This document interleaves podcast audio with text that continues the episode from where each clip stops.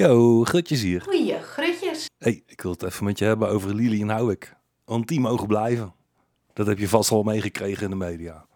Twee kinderen zouden worden uitgezet naar Armenië. Erger nog, hun moeder was al gescheiden van haar eigen kinderen en al eerder uitgezet. Intussen hartstikke geestelijk in de war, niet in staat voor die kinderen te zorgen. En Lili en Houwik, die is gewoon hier zijn opgegroeid en hier al jaren wonen. Die zouden worden uitgezet om daar in een kinderthuis worden gedumpt. eh, waar ze niemand kennen, waar ze taal nauwelijks spreken. En eh, met heel veel moeite, met heel veel mensen en met een flinke sociale mediacampagne. Mensen van links tot rechts het steunden, vooral links natuurlijk. En mensen all over hebben we gezorgd dat ze kunnen blijven. Want de enige reden dat ze kunnen blijven is dat we zo hard hebben gevochten. En Nederland massaal zei, we gaan niet meewerken aan je verklik- en deportatiepoging. Maar hoe ging dat nou eigenlijk? Binnen enkele minuten nadat uh, Lili en Houwek waren ondergedoken, maakte de politie zich al zo bezorgd over de kids, dat ze burgers vroeg om als de eerste de beste NSB'er de ondergedoken kinderen te verklikken. Zodat ze die kindjes konden redden, door ze te deporteren, met PTSS en al.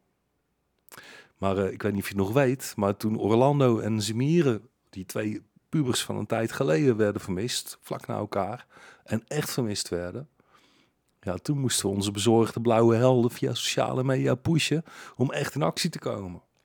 Orlando werd uiteindelijk dood teruggevonden, helaas. Maar uh, bij Lili en Houwik werkte dat heel anders. Binnen een paar minuten verscheen dit bericht op teletext. Politie, politie vraagt hulp bij zoektocht. De politie roept de hulp in van burgers bij de zoektocht naar Lili en Houwik, de tieners die zijn weggelopen kort voordat ze zouden worden uitgezet naar Armenië. Er is inmiddels aangifte gedaan van vermissing van de kinderen. De politie zegt zich zorgen te maken over de veiligheid van Lili en Houwik en is daarom direct een zoektocht gestart. De twee kinderen, van wie hun moeder al naar Armenië is uitgezet, zouden vandaag ook het land uit moeten.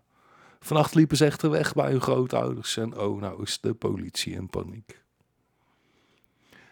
Ja, inmiddels gaat de uitzetting toch niet door. Het ministerie roept dat plots duidelijk is geworden dat Armenië niet veilig voor ze is. Een overduidelijke leugen. Dat is al tijden duidelijk. We weten het allemaal. Daarom deden zoveel mensen ook mee aan die acties op sociale media. En het ministerie weet het ook, al was het maar omdat de kinderombudsman het ze zelf heeft verteld. We hebben simpelweg gewonnen. Hey, kinderpardon. De deportatie van twee kinderen van 12 en 13 die hier zijn opgegroeid en thuis zijn, naar een land waar niemand voor hen kan zorgen, dat is onrechtvaardig en onmenselijk. Maar het is ook een typische beslissing die past in ons onrechtvaardige en onmenselijke asielbeleid. Want Lili en Houwik zijn niet de enige. Maar liefst 400 kinderen zitten in een vergelijkbare situatie. Hier opgegroeid, zo Nederlands als wat, en toch moeten ze weg. Ja, er was een kinderpardon, waardoor we na veel gesteggel hoopten dat ze zouden kunnen blijven. Maar in die kinderpardonwet staan zulke gekke eisen dat bijna niemand er doorheen komt. Zo moeten kinderen die al langer dan vijf jaar in Nederland zijn en al die tijd in het zicht van de overheid zijn geweest. Maar als ze al die tijd bekend waren bij de gemeente, dan telt dat ineens niet. Nou vraag ik je, als je gaat verhuizen, geef je dan bij het Rijk of bij de gemeente aan dat je verkast? Juist, dat doe je bij de gemeentelijke overheid.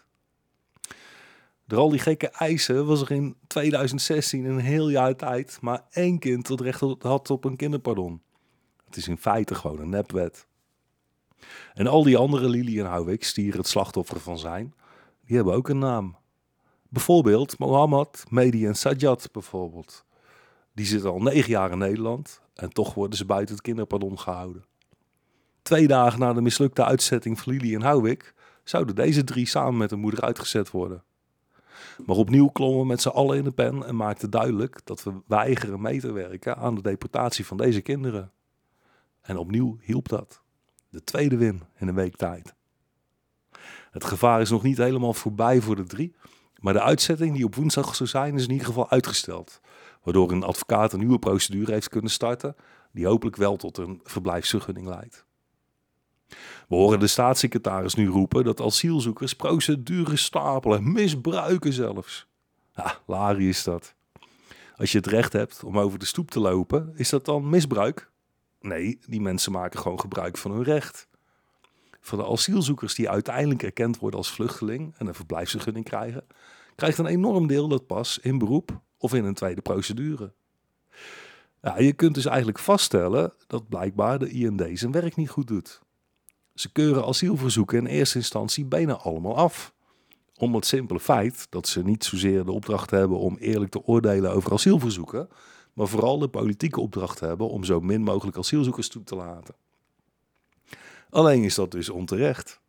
Mensen die volgens het asielverdrag recht op bescherming hebben, moeten dat ook krijgen. En aangezien de IND dat vaak niet geeft, worden mensen gedwongen om door te procederen tot ze het recht wat ze hebben, hopelijk ook echt krijgen. Intussen kunnen we constateren dat massaal verzet werkt.